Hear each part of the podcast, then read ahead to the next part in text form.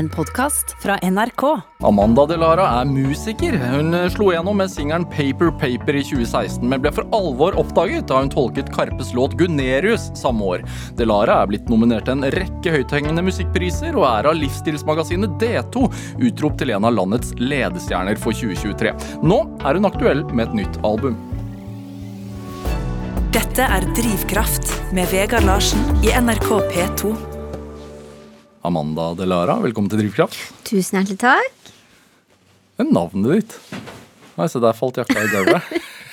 Min feil. Du er flink men. Navnet ditt Er det egentlig Delara fornavnet?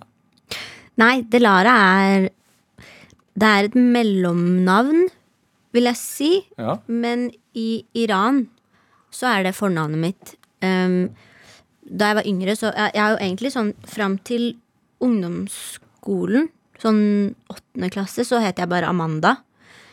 Men jeg visste at jeg også hadde Delara. Um, Altså, du het Amanda Nickman? Da. Yes, Ja, altså, Amanda, ja. Nickman.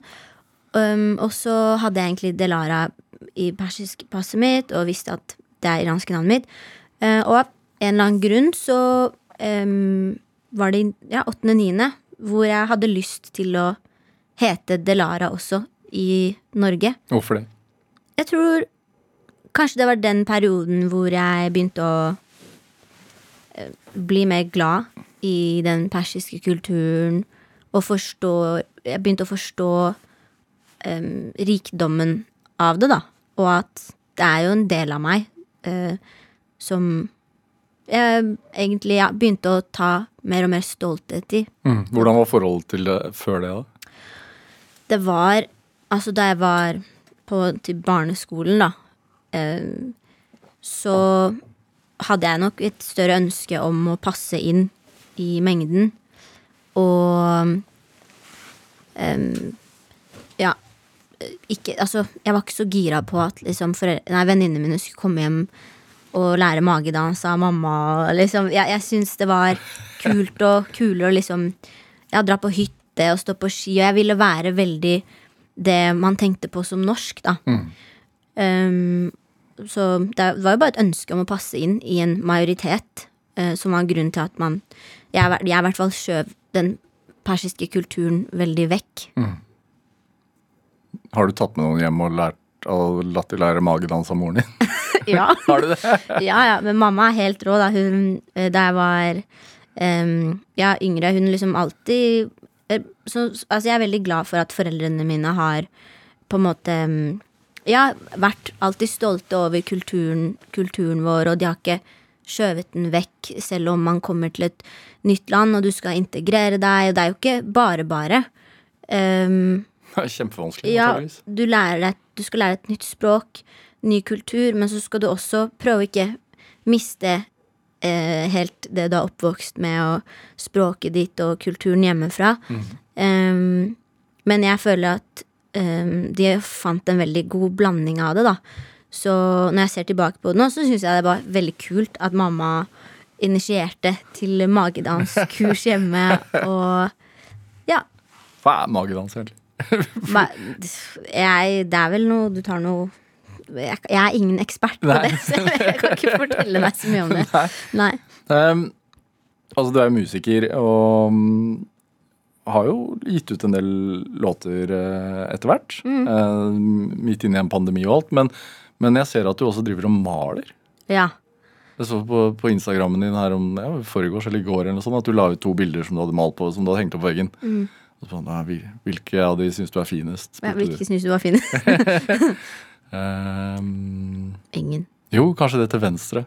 Ja, det med det litt gule. Ja, Som ikke var at noe Den andre var et ansiktsmotiv. Ja. og så var det litt mer abstrakt det til venstre, var det ikke det? Mm. Hva, hva det, Sitter du hjemme i leiligheten din og hva, fortell om dette? her. Ja, altså det er ikke noe jeg bruker masse tid på å sitte og male. Du men- rammer det inn og henger det opp på veggen, da, så litt tid bruker du på det. Ja, altså når jeg bruker tid på det, så bruker jeg tid. Men, men det skjer sånn to ganger i året at jeg plutselig midt på natten bestemmer meg for at ok, nå vil jeg For jeg har jo alltid disse lerretene i stua. Så det som skjer, er at jeg bare maler over og lager nye motiver. Ehm, det er bare sånn Staffeli og maling og alt sånt, eller er det Nei, jeg har ikke staffeli. Jeg burde hatt det. Jeg gjør det på, på gulvet. Eh, prøver å dekke til med plast og sånn. Eh, men ehm, Nei, det er bare sånn utløp for kreativitet på en annen måte. Eh, det er en annen måte å uttrykke seg på. Ehm, og jeg syns det, en- det er en fin måte å bare Eller det som er litt forskjellen på det for meg, er at med musikk så kan jeg alltid Du kan alltid legge melodier og produsere ting, og så kan du alltid bare trykke på en angreknapp og gå tilbake. Mens med maling så utfordrer jeg meg selv litt med at når, ja, når du lager den streken, svarte streken, så blir den litt der, da. Eh, og, ba, og bare på en måte la det som blir lagd, være det det er. Eh, Det syns jeg er veldig fint med, med maling. Men det er ikke sånn, jeg er ikke noe profesjonell. eh, Det er bare en hobbyting. Eh, også en fin ting å eh, Hvis jeg har lyst på litt farger i leiligheten, så kan jeg alltid bare gjøre det selv, istedenfor å gå og kjøpe et nytt maleri. Hva slags farger er det i leiligheten? Altså akkurat nå så er leiligheten min veldig sånn sandbeige. Eller mer presist så har jeg fargen Jotun blek sand på veggene mine. Og em, jeg prøver å piffe det litt opp, men jeg har starta veldig basic. Fordi jeg føler at jeg trenger Det er så mye Jeg tenker veldig mye, det er mye som skjer i hodet mitt. Så det rundt meg har jeg lyst til at det skal føles så ryddig og zen som mulig. Så jeg prøver å bare ha det ganske clean med plain farger. Og så nå først med de maleriene og sånn, så blir det litt mer liv, da. Um, jeg er jo glad i farger, så jeg skal prøve å implementere det litt mer. Så lenge det ikke blir rotete. Hjelper det da å ha det ryddig rundt seg for hodet? Ja, vel, veldig. Hva er det du tenker på da? Så, I hodet mitt. Ja. Det kan være alt. Eh, jeg tenker mye på Faktisk den siste tiden så jeg, jeg er blitt flinkere til å altså, Jeg kan ikke stoppe at jeg tenker Overtenker Eller jeg kan ikke stoppe at jeg tenker mye, men jeg kan la tanker passere enn å sitte og Hva skal si gnu, gnu på de. ja, for eksempel. Det kan være Det kan være så mangt. Jeg tror en ting som jeg har jobbet veldig mye med, er å ikke Jeg jeg kan tenke mye på framtiden. Og det kan ødelegge veldig mye for nåtiden. Når du tenker mye på på, på framtiden og ting du har lyst til å få til, så kan det gjøre at Det fins en balanse på det, da, men em, Ok, man kan ha store mål om utlandet. Man har lyst til å spille store konserter der, og det kan, hvis du ser på det sånn, så kan det få andre ting, andre konserter, til å føles veldig små ut. Em, og det syns jeg er superfarlig, da, å tenke sånn, for det gjør jo virkelig at du ikke ender opp med å sette pris på de menneskene som har kommet, brukt tiden sin, brukt pengene sine um, på å se ja, den konserten man spiller nå, ikke sant. Eh, bare sånn Man kan jo si liksom em, Med Spektrum, da. Man leser jo veldig sånn Man leser jo på nettet sånn ok, Spektrum har blitt det nye stedet artister spiller. Det er no pressure. Ja, og da blir det sånn Når man leser det, så kan det veldig fort få Sånn som nå, jeg er superstolt av å ha utsolgt Sentrum Scene. Ja. Som du bør være. Ja, det, jeg er kjempestolt, men um, det er derfor man må bare holde på det. Ha på seg skyggelapper og være sånn Det her er veldig stort. Det, det var stort for Det er noe jeg har drømt om Ja. lenge eh, da jeg var yngre. Um, og bare fordi at ja, det er superstas å kunne spille et utsolgt Spektrum, så må du ikke downplaye faktum at du har klart å selge ut en mindre scene enn det, da. Det er litt sånne ting, litt sånn press man kanskje kan føle på utenfra, men som jeg føler jeg har blitt veldig flink på å ta meg selv i å balansere det ut og tenke at det er lov å ha store mål, men også sette pris på Ja, det viktigste er å virkelig bare tenke nåtid. Hver gang jeg tenker nåtid, så jeg, kjenner jeg på en lykke og glede på en helt annen måte, da. Men også som de sier at med maleriet så er det ikke noe delete-knapp. Ja, Er det telefonen din, da? Ja, unnskyld. sånn er det når vi er på direkteradio. Ja, det er gøy. Hvem er det? Kan du ikke, kan du ikke se hvem det er før du slår av? Det er sikkert en telefonselger. Jeg må bare beklage det der. Så det var gøy. Um, Legg vekk det. Jeg må bare sjekke at alt er på lydløs. Ok, vi er back. Ja, det er gøy. Det er samme som maleri, det. Du kan ikke liksom gjøre direktesending. Ja. Direkt, men er det i, I forhold til det å lage musikk, Mm. trykker du på den delete-knappen ofte? ja, Ja. det, det gjør man. Men, men Eller det spørs litt, fordi Er du selvkritisk? Ja, veldig. Ja. Superselvkritisk. Litt mye for mitt eget beste, fordi ofte når jeg er veldig selvkritisk, så kan det jo stoppe meg fra å um, være åpen for nye ideer. Som, Eller bare la ting flyte litt mer, da. Så det er også noe jeg jobber med nå, som jeg også tror nå, Jeg har, jeg har ikke spilt livekonserter, eller mine egne livekonserter, på fem år på grunn av pandemi, og at jeg ville at ok, når jeg først skal gjøre det nå, så skal det føles ordentlig. Det må skje etter albumet. Um, men da tror jeg liksom Når man får spilt live en del, så får man øvd veldig på det å bare gi litt slipp og ta litt ting der og da. Um, og ikke være så firkanta på ting, da. For det er en energi mellom deg og publikum som du på en måte ikke alltid kan Eller du kan ikke planlegge det. Um, så jeg tror at det er også noe som kan Det kommer til å bli enda bedre når jeg får den energien live, og får spilt en del nå som jeg gleder meg helt sinnssykt til å Gjør det. Gruer du deg òg? Du har ikke spilt live for, for et stort publikum som bare kom for å se deg på fem år? Eh, jeg Jeg tror kanskje hvis du hadde spurt meg for et halvt år tilbake, så hadde jeg grua meg. Fordi da er man lenger unna forberedelser og ting Man lurer på sånn, ok, herregud, hvordan blir alle de tingene man har planlagt, og logistikken kommer ikke til å gå opp, og man har alle disse tankene i hodet sitt om alt som kan gå galt. Men jo nærmere man kommer, og jo mer man får jobbet med det, eh, jo mer tid man også får tilbrakt med, med teamet sitt, og blir trygg på de, så har jeg kjent at den følelsen av at man gruer seg, har gått mer og mer bort, til at jeg faktisk gleder meg til å vise det man har lagd og jobbet med sammen. Og nå som også eh, produksjonen er eh, uppa litt mer enn sist gang da jeg spilte live.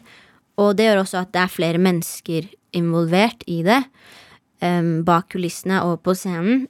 Og det er en følelse jeg egentlig liker veldig godt, fordi det skaper et sånn fellesskap som gjør at man når, når man står på scenen, så føler du egentlig ikke at det er bare du som står der.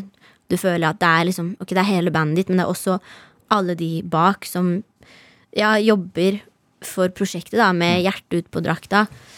Um, så jeg vil si jeg gleder meg veldig, men selvfølgelig, det er masse nerver.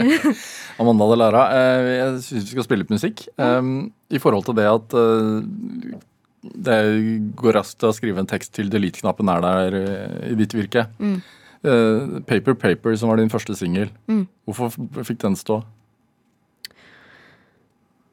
Det er Hvorfor den fikk stå? Ja, hvorfor? Hvorfor jeg ikke deleta den? um, det er et godt spørsmål. Jeg tror den bare Det er jo det det ligger i, da. Følelse. At den, den føltes riktig. Hvor, hvor, hvor kommer den fra? Hvordan den ble lagd. Jeg hørte at du var i Monaco eller et eller annet sånt. Ja, altså, det som skjedde, var at vi var på Vi var på klassetur i NIS. Og så dro vi en dag til Monaco, som var veldig sånn For meg Jeg syns det var så fascinerende å se en sånn Alle var så rike der. Og du, du bare ser det, altså rike på materialistiske ting, da. Og så husker jeg at vi sto Vi sto utenfor et kasino og tok litt sånn bilder og sånn. Og så kom det en eller annen fransk fyr bort til oss, og det var liksom var sånn um, altså, Han to, vifta oss vekk, da, som om vi var løshunder, følte jeg. um, så den sangen Paper Paper var egentlig litt basert på den følelsen jeg fikk Eller ja, den var 100% basert på følelsen jeg fikk av å være i Monaco, og den følelsen av å bli vifta vekk foran et kasino. Um, og det fikk meg, den fikk meg til å liksom tenke veldig mye på, på uh, materialisme, da, og at det kan få mennesker til å ja, utvikle ganske kjipe holdninger overfor andre mennesker. Skal vi høre litt? Ja. I was sick in the dark, and all I saw was paper, paper. All these people chasing cars, and their eyes were filled with lots of hatred. And they kept asking me the same Where you from? What's your name? Cause you're not wearing a new dress And your face looks like a mess Why you acting all stupid? So I said I'm just gonna pray love for money made you this way Hello, hello, darkness Blood on all your carpets Pulling through your brain I was running through the streets and all I saw was paper, paper. They kept looking at me with their ego big as skyscrapers. But I just couldn't get no less. Knew their lives were all a mess. Yeah, saying money buys you time, granting you eternal life. But who wants to live forever? So I said, I'm just gonna pray. Money made you this way. Hello, hello, darkness. Blood on all your carpets, pulling through your brain. So I said, I'm just gonna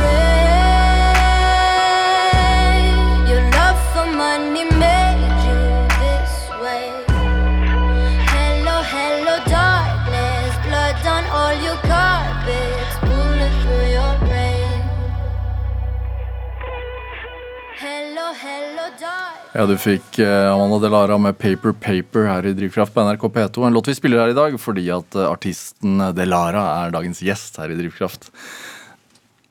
Du er født i Sverige. Ja. Eh, når flytta dere til Lillehammer? Da jeg var Altså, vi flytta til Narvik først. Da var jeg vel ett år, tror jeg. Ja. Og så bodde vi ikke der så lenge før vi flytta. Sikkert to år, eller Hvor kanskje er, hvor er hjemme, da? Hjemme er Nes. For meg, ja. Ja. Mm. hva slags sted er det? Nes er Ja, hva er det? Han må ikke skuffe noen ved å svare feil. Um, det er jo et sted da som er, ligger litt utenfor Oslo, mot Gardermoen. Um, og er satt sammen av flere forskjellige steder. Det er Årnes, Vormsund, Fenstad, Neskålen Eller Vam, da. Så jeg bor i Vam-området. Det er veldig sånn eh, bygd, bygda. Men det føles Det er ikke sånn at det er hardcore bygda. Men det er ute på, på landet. Det er mye fin natur, mye grønt. Eh, veldig sånn Veldig lokalt. Sånn man alle kjenner Eller de fleste kjenner hverandre der. Og det er der jeg har alle Alle barndomsvennene mine, da. Er fra Nes. Mm, vokste opp i hus? Ja. Hm. Hvordan var det hjemme hos dere, da? Det var veldig fint. Det var eh, Mamma er en person som er er veldig flink til å få et hus til å føles som et hjem. Hvordan gjør man det? Jeg tror du bare mm, At man jeg, jeg føler huset vårt er alltid åpent. Det er åpent for mennesker, åpent for å skape minner. Og det er ikke sånn Hvordan merka du det da du var barn? Ehm, nei, kanskje sånn spesielt i ja, ungdomsskoletiden så er det sånn jeg, jeg har aldri opplevd Jeg vet ikke, jeg føler noen har litt sånn strenge foreldre som er sånn Nei, du får ikke ha besøk nå, nå skal vi spise middag, og personen kan komme senere og sånn. Mens hos oss har det alltid vært sånn Ja, selvfølgelig, bare kom. Eh, veldig sånn gjestfritt. Det er litt vanskelig å få komme på et eksempel akkurat nå, men, men en ting jeg også Som jeg også føler at um, et hus blir et hjem, er også det å, å føle seg komfortabel der. Sånn mam, Mamma har aldri vært opptatt av at ting ja, La oss si jeg har i ungdomstiden, da, arrangert hjemmefest uten at hun har visst det. La, Um, la oss si. ja, la oss si at det har skjedd Ja. et par ganger. Um, så, og så har man liksom Og så har hun ferska meg um, og skjønt at ok For eksempel, da. Um, ene festen jeg hadde, det var noen greier, noe skap som ble revet ned, og en dør som ble litt ødelagt. Så ja, selvfølgelig får jeg jo en straff der og da, eh, i form av noe husarrest. Men kort tid etter så er det sånn um, jeg, jeg føler at mamma Jeg lurer på hva hun tenker når hun hører det her, men jeg føler at hun setter pris Hun setter pris på liksom de ripene på veggen, eller, for det er minner. Ja. Eh, At det er ikke noe man bærer sure minner over. Det er sånn Ok, det er et tegn på at det er et hus man har, man har levd i, da. At man får lov til å leve i huset. Det har aldri vært liksom så strengt. Jeg har alltid fått lov til å ja, leve, leve livet. Utforske og gjøre feil. Og bli tatt på det, og så gå videre. Det, det vi snakket om tidligere her, at du først måtte altså, komme til sånn åttende klasse ish før du omfavna uh, den persiske bakgrunnen din. Hva var det øh, slags opp... Altså, gjorde du motstand mot det hjemme? Eh, At jeg ikke, at jeg ikke ville være persisk. Ja.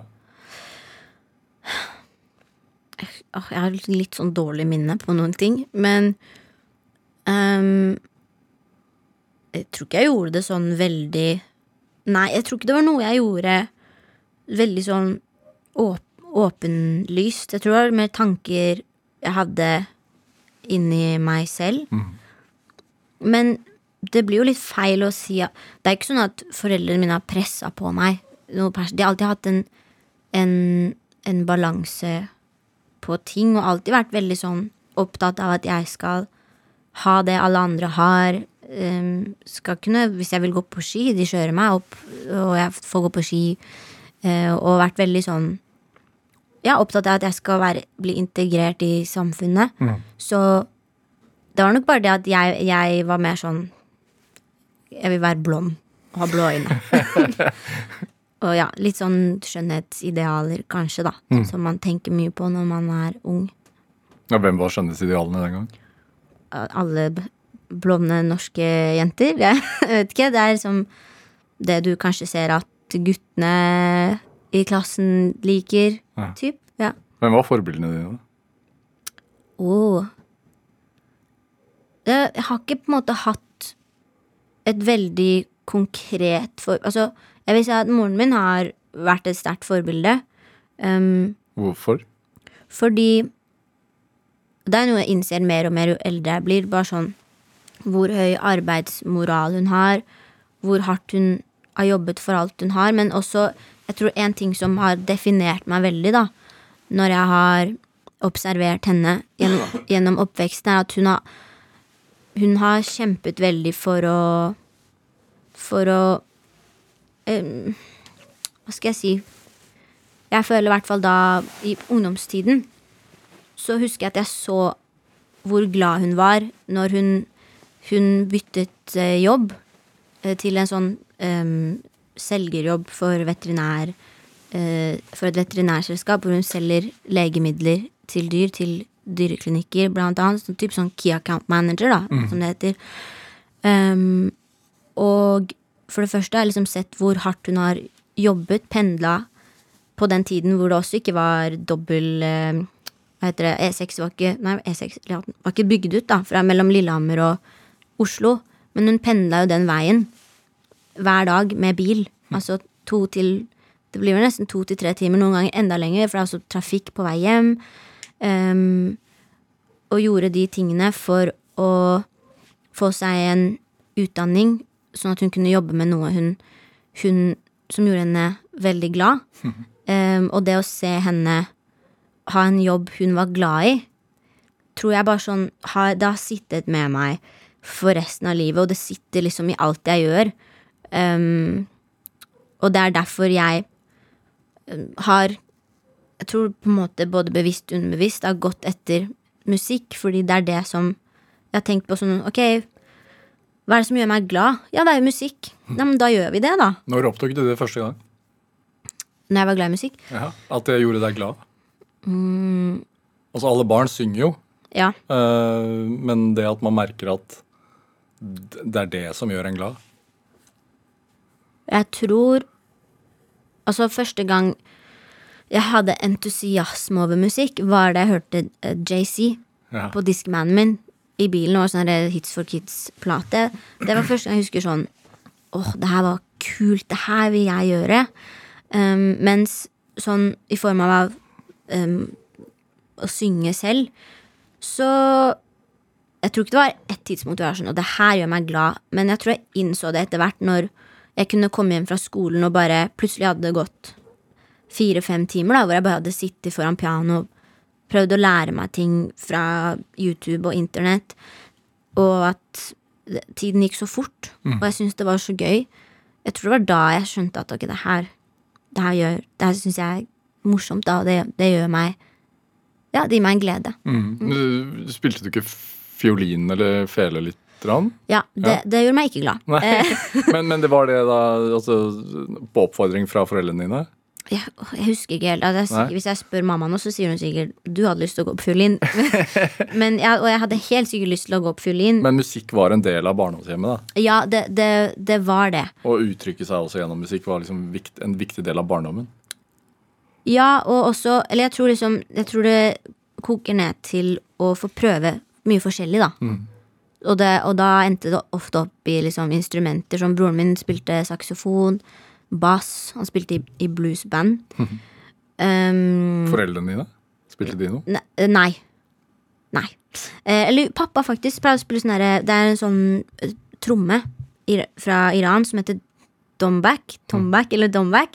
Som er sånn du, var, du har den liksom på, i armkroken, og så varmer du den, og så spiller du med fingertuppene, da. Um, det Nå. husker jeg han var veldig flink på. Når dro han opp den?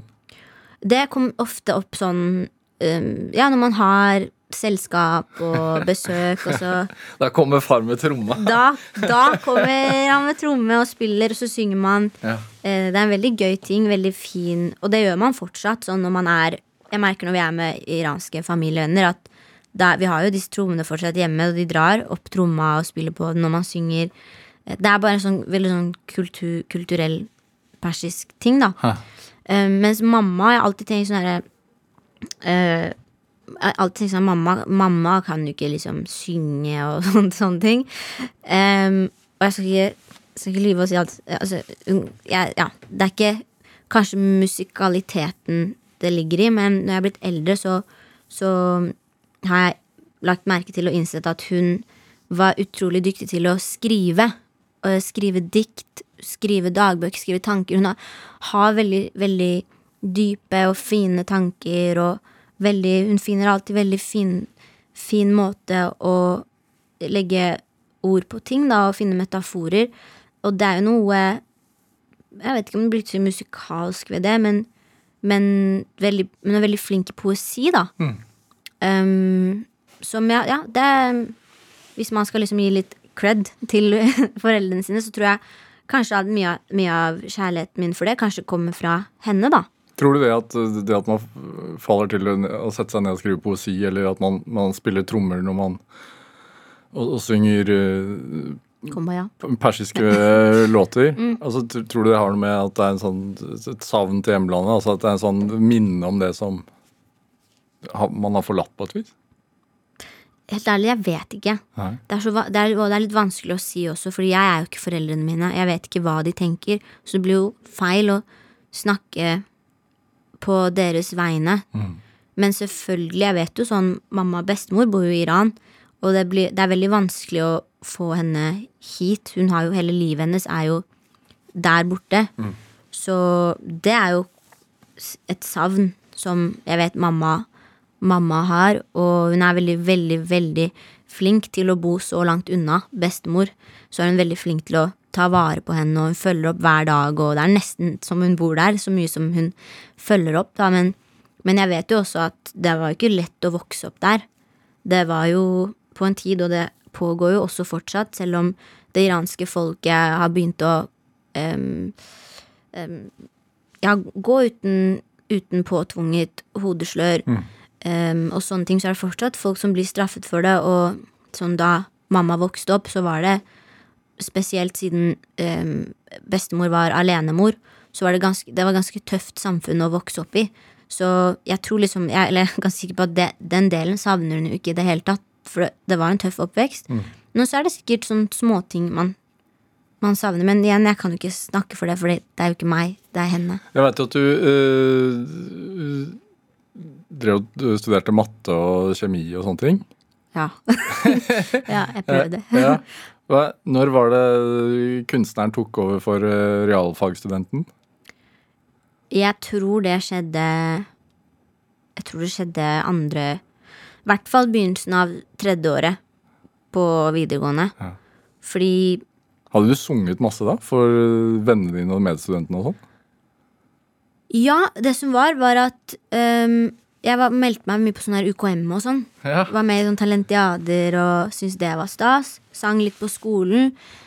Um, og det var det som, Jeg syns det som var gøy, er at da musikken begynte å ta, ta litt over, var Jeg mener det var andre året på videregående hvor jeg ble kjent med en norsk rapper som heter Kave. Um, og han var, det var jo superstas på den tiden å kunne bli kjent med en så dyktig artist. Og måten det skjedde på, var gjennom Snapchat. Jeg fikk Snapchaten hans gjennom en venninne. Ja.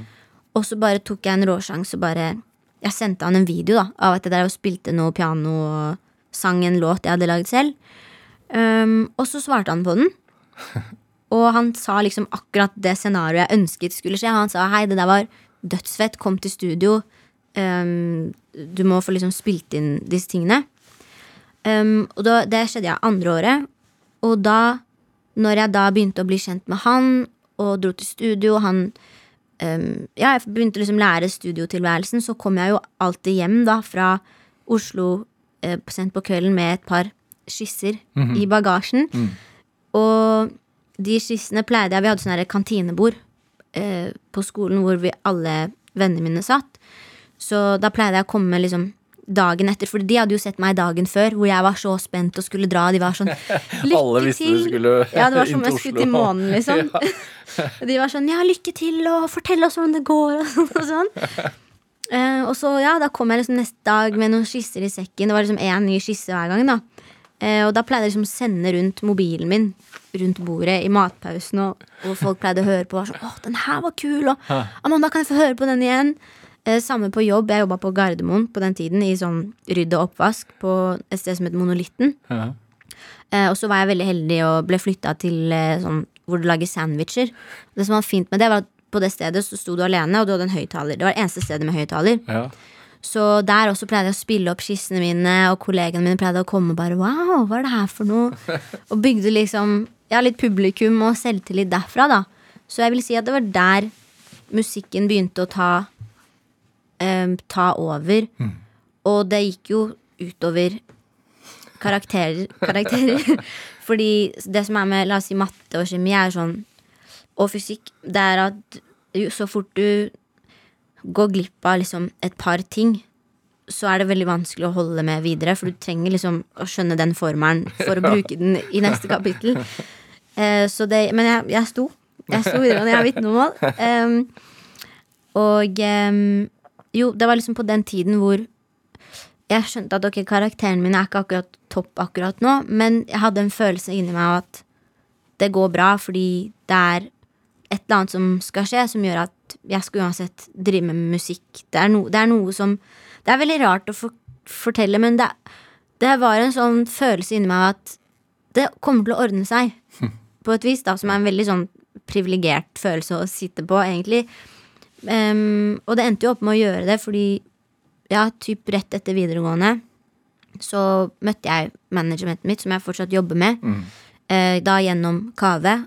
Og jeg ble signert og slapp første singel da, som var Paper Paper. Ja. Som, jeg, som jeg har hørt. Jeg tenkte vi skulle høre uh, noe norsk musikk. Du, har, du synger på norsk også uh, i, i ny og ne. Du ga ut et, en EP som heter Et lite stykke Norge. og Har gitt ut det, blant annet. Eh, jeg har lyst til å høre den Nå er det oss, er det greit? Du, bare spill nå. Ja? Den er fin, da. Takk.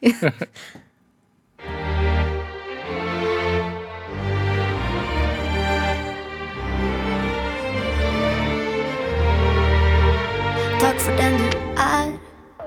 Du viste meg noe viktig. At kjærlighet er mer enn å bli tråkket på og sviktet. Jeg kan gå gjennom helvete igjen og igjen, så lenge jeg vet at du står der i enden. Nåtid med deg og fortid uviktig. Noen sår lever videre inni meg. Hva gjør det når du holder meg inntil deg? Du får meg til å glemme alt som var vondt, og alle som holdt meg nede. Ingenting var forgjeves, for nå er det over.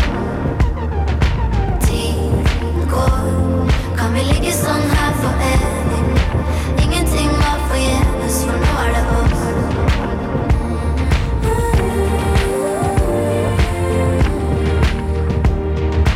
Du har sett meg som jeg er.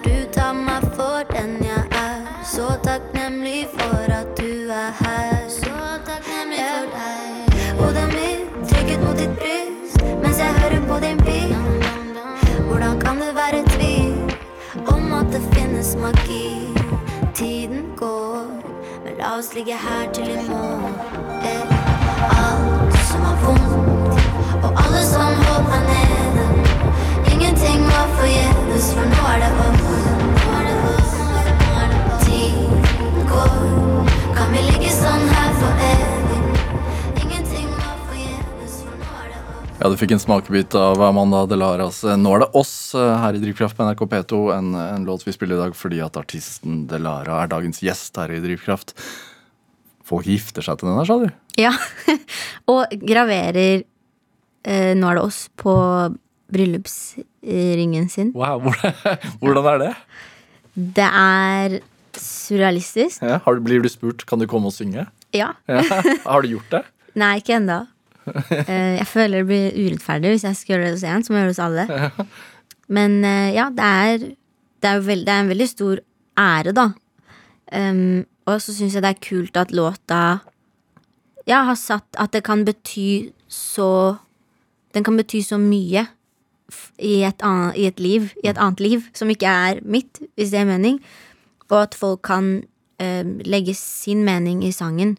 For min, nå er veldig Jeg skrev den Eller følelsen jeg prøvde å få inn i låta, var um, min, den, den gleden jeg føler når jeg er rundt barndomsvennene mine. Den er veldig inspirert av Av eh, Å, nå ble jeg nesten litt rørt, for jeg er så glad i dem. Men, men um, den, den er veldig inspirert av, av den gleden og kjærligheten jeg får fra de.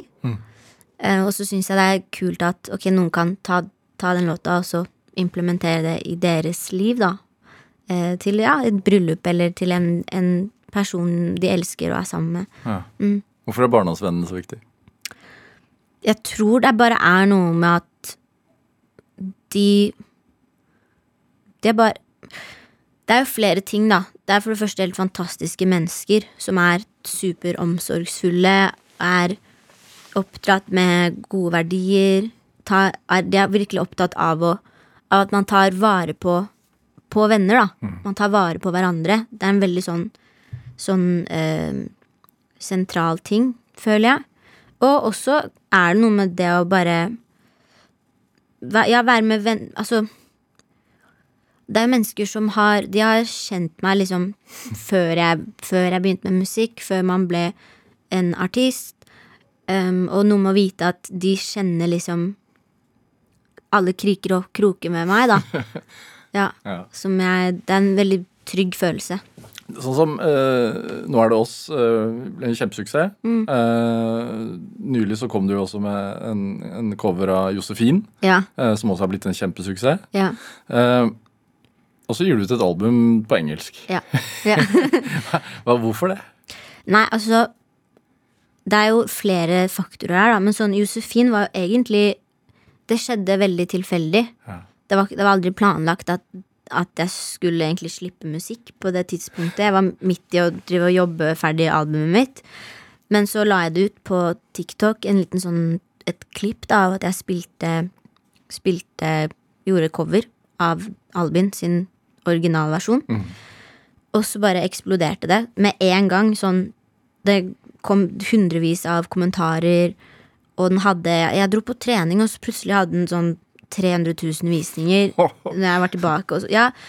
så det var veldig sånn tegn på at ok, folk vil ha den sangen her. Hvorfor skal jeg ikke gi det til dem? Fordi min Er det sånn det funker nå? Litt? Sånn Jeg tester det litt her på TikTok. Jeg, altså, Oi, dette likte folk. Da gir jeg det ut. Både ja og nei. Ja. Jeg er jo ikke sånn som engelske albumet mitt. Jeg har jo ikke testa noe på TikTok der. Nei. Det har vært viktig at Gam så gammeldags av deg å ikke gjøre det. Ja, uff. Nei, det um, Det er litt opp og ned. Jeg føler at med en gang du tvinger ting på ja, sosiale medier og TikTok, så det funker ikke.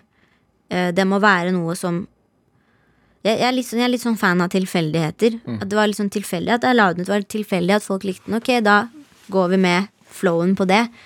Um, og jeg, jeg tror folk i begynnelsen av TikTok har vært veldig sånn Ok, nå skal jeg promotere denne sangen herfra til helvete, liksom. Og prøve å få folk til å lytte på den. Men, men jeg, tror, jeg tror bare ikke det er helt veien å gå i, lengd, i lengden. Jeg, er ikke blitt, jeg er blitt mindre og mindre opptatt av det, og heller bruke den plattformen som et sted å, å knytte bånd til lytterne mine. Istedenfor å presse musikk og prøve å få de, de til å like det. Det føler jeg er noe som det kommer Det kommer med Det kommer etter at folk har connecta med det, da. Men i forhold til det engelske, da er det uh, Har det noe med ambisjoner å gjøre? Du har hatt en kjempehit i Tyskland, f.eks. Ja, du, du har sett at det går an å gå utenfor grensene? Landegrensene? Ja, jeg, jeg tror liksom ja, det, det er nok knytta veldig til ambisjoner, og så er det Jeg har vokst opp med å synge på Det er på en måte ikke noe som har falt meg unaturlig. Det, jeg, det ligger veldig naturlig for meg å gjøre det, så det er ikke, det er ikke noe jeg har overtenkt. Og det er ikke sånn valg jeg har tatt at nå skal jeg synge engelsk, nå skal jeg gjøre norsk. Musikken min er veldig sånn Jeg gjør det jeg føler passer. Men selvfølgelig, det majoriteten av musikken jeg lager, er, er på engelsk. Og det er fordi at, som du sier, da, jeg har ambisjoner om å spille utlandet. Um, syns, og syns, jeg syns det er veldig spennende og interessant, og jeg, jeg mener at det er, det er plass til meg der ute. Og, Er det uh, Det hjelper jo å være med i sånn videoen til Alicia Keys og sånn, selvfølgelig. Litt Ja, sånn. Men, men, men eh, senere tiden så har det jo vært eh, i offentligheten ganske politisk engasjert. Eh, holdt demonstrasjoner og, og foran Stortinget, f.eks. Eh, og blitt intervjuet om dette her mange ganger. Og så har jeg sagt også at nå er jeg litt lei dette her. Jeg vil musikken, jeg vil heller eh, snakke om det gjennom musikken. Um, har du vært redd noen gang for at det å være politisk engasjert og vise sterke meninger skal gå på bekostning av, av karrieren? nei Altså, jeg, skal si, jeg, er ikke lei, jeg er ikke lei av å prate om politikk, bare så det er sagt. Jeg bare, jeg tror at det er mer, noen ganger mer effektivt å gjøre det gjennom musikk. Fordi det er et sted hvor Eller jeg har sett at da kan du få med deg flere mennesker, og flere kan relatere, for du spiller veldig mye på følelser, da. Um, Som for eksempel når? Og så har du et eksempel. ja, sånn som da jeg slapp um, Ja, det her var ut, ikke i fjor, men året før der igjen.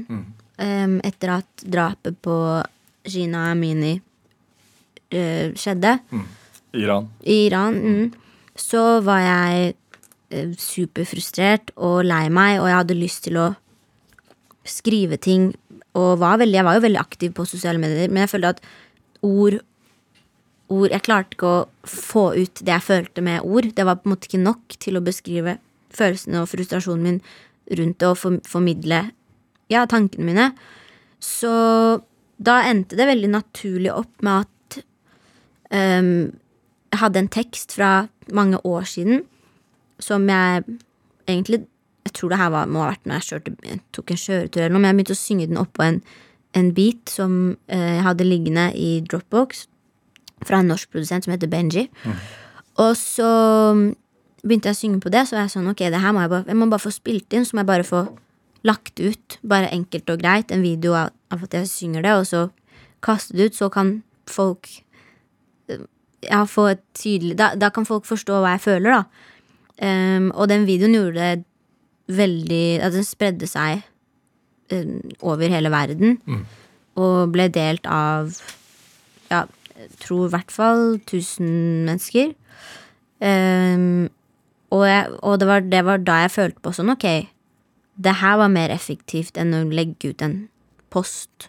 Og det føltes også mer ekte Eller ikke ekte, men det føltes Føltes jo mer nær, nær, nær måte å gjøre det på.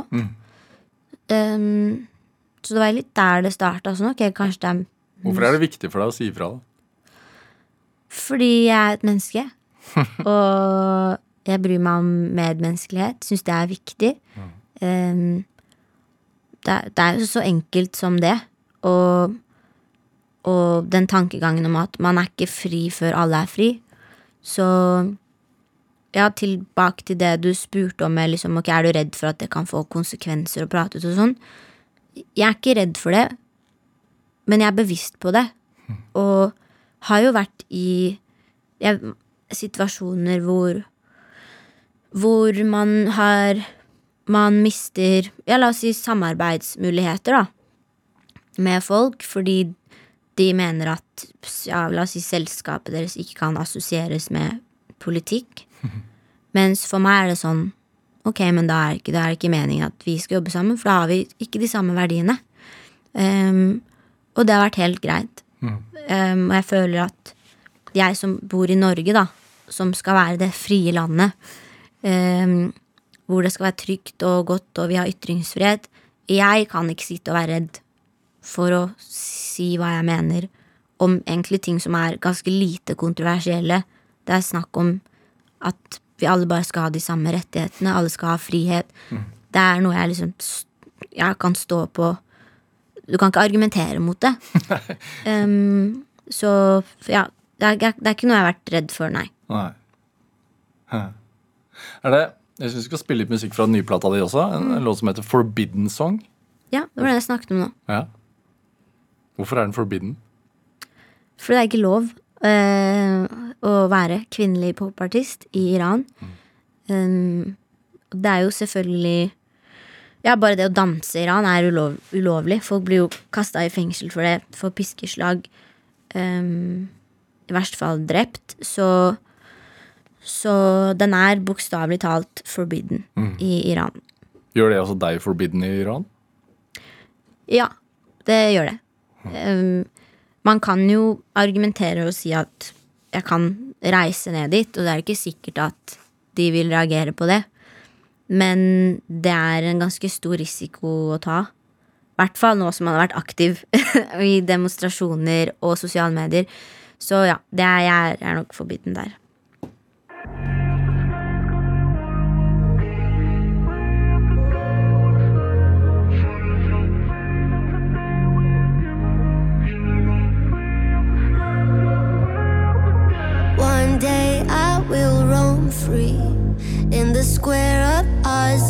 There will be a place for me.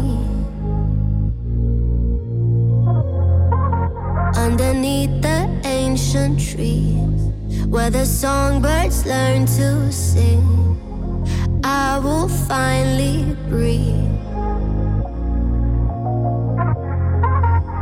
Some will try to make the you and you forget your dreams. Some will try to tame your soul by any other means. Put you in the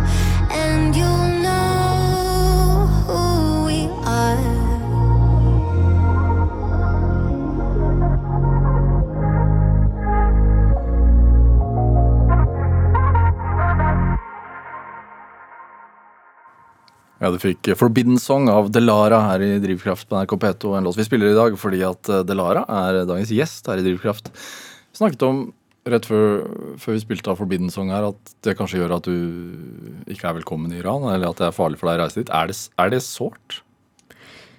Det har vært det, ja. Um, fordi det er liksom eh, veldig Men det er sånn da Ja, nei, det har jo ikke alltid vært sånn heller. Det, Ja, for du har jo vært der. jeg har vært der. Jeg har vært der, vært der da jeg var åtte år en gang. I sånn fem uker. Og det var beste ukene i mitt liv. Um, det er også fordi jeg, jeg har jo så mye familie der. Og den familiekjærligheten var Den var bare sånn ja, ganske ny for meg å føle på. Da. Føle at du har liksom slektninger overalt, masse hus som forskjellige familiemedlemmer bor i, drar på besøk. Um, og det er jo sårt å ikke kunne gjøre det nå lenger, og ikke kunne dra og besøke. Jeg kan liksom ikke Jeg skulle ønske jeg kunne dra Sette meg på et fly og besøke bestemoren min, for eksempel. Hun har jo vært en veldig stor del av oppveksten min.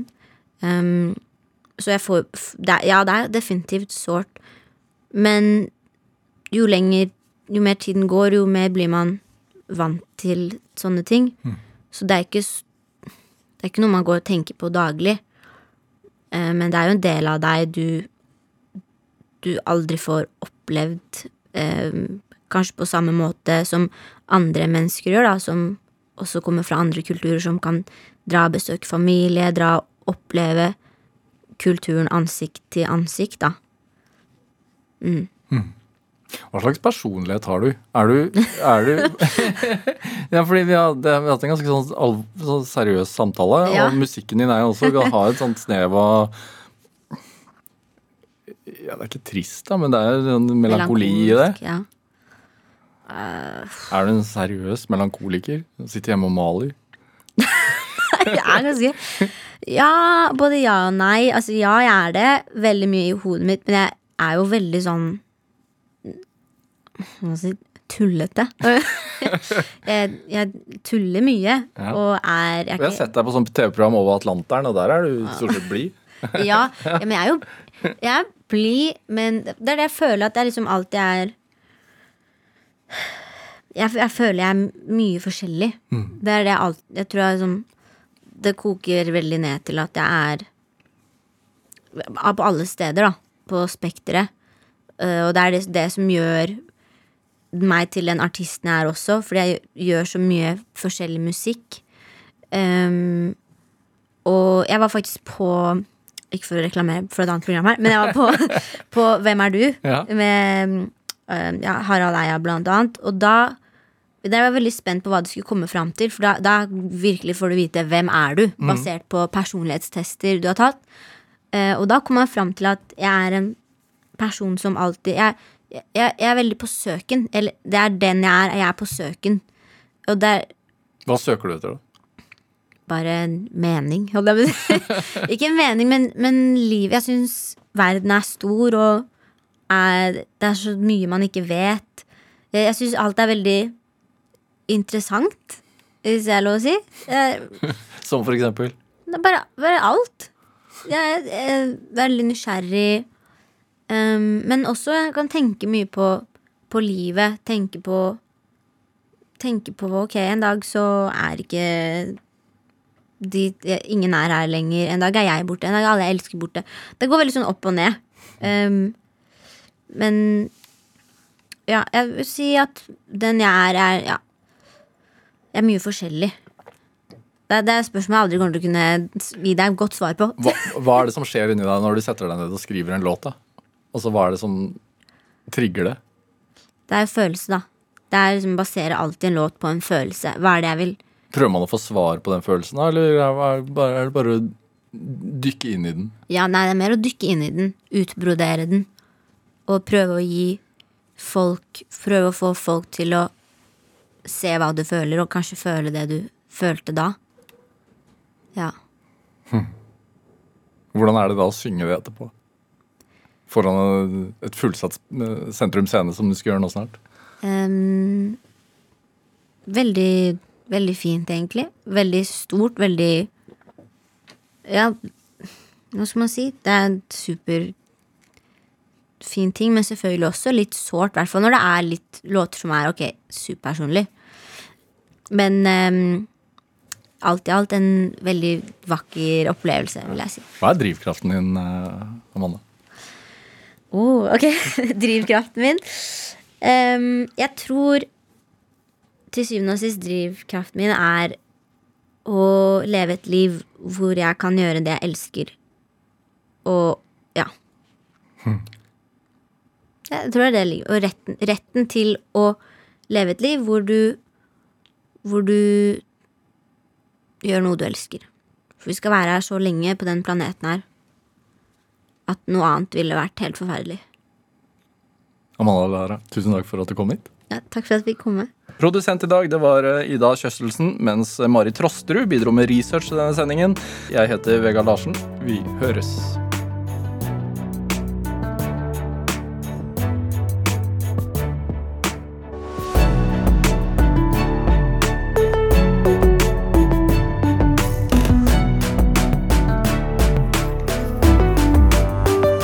Du har hørt en podkast fra NRK. Hør alle episodene kun i appen NRK Radio.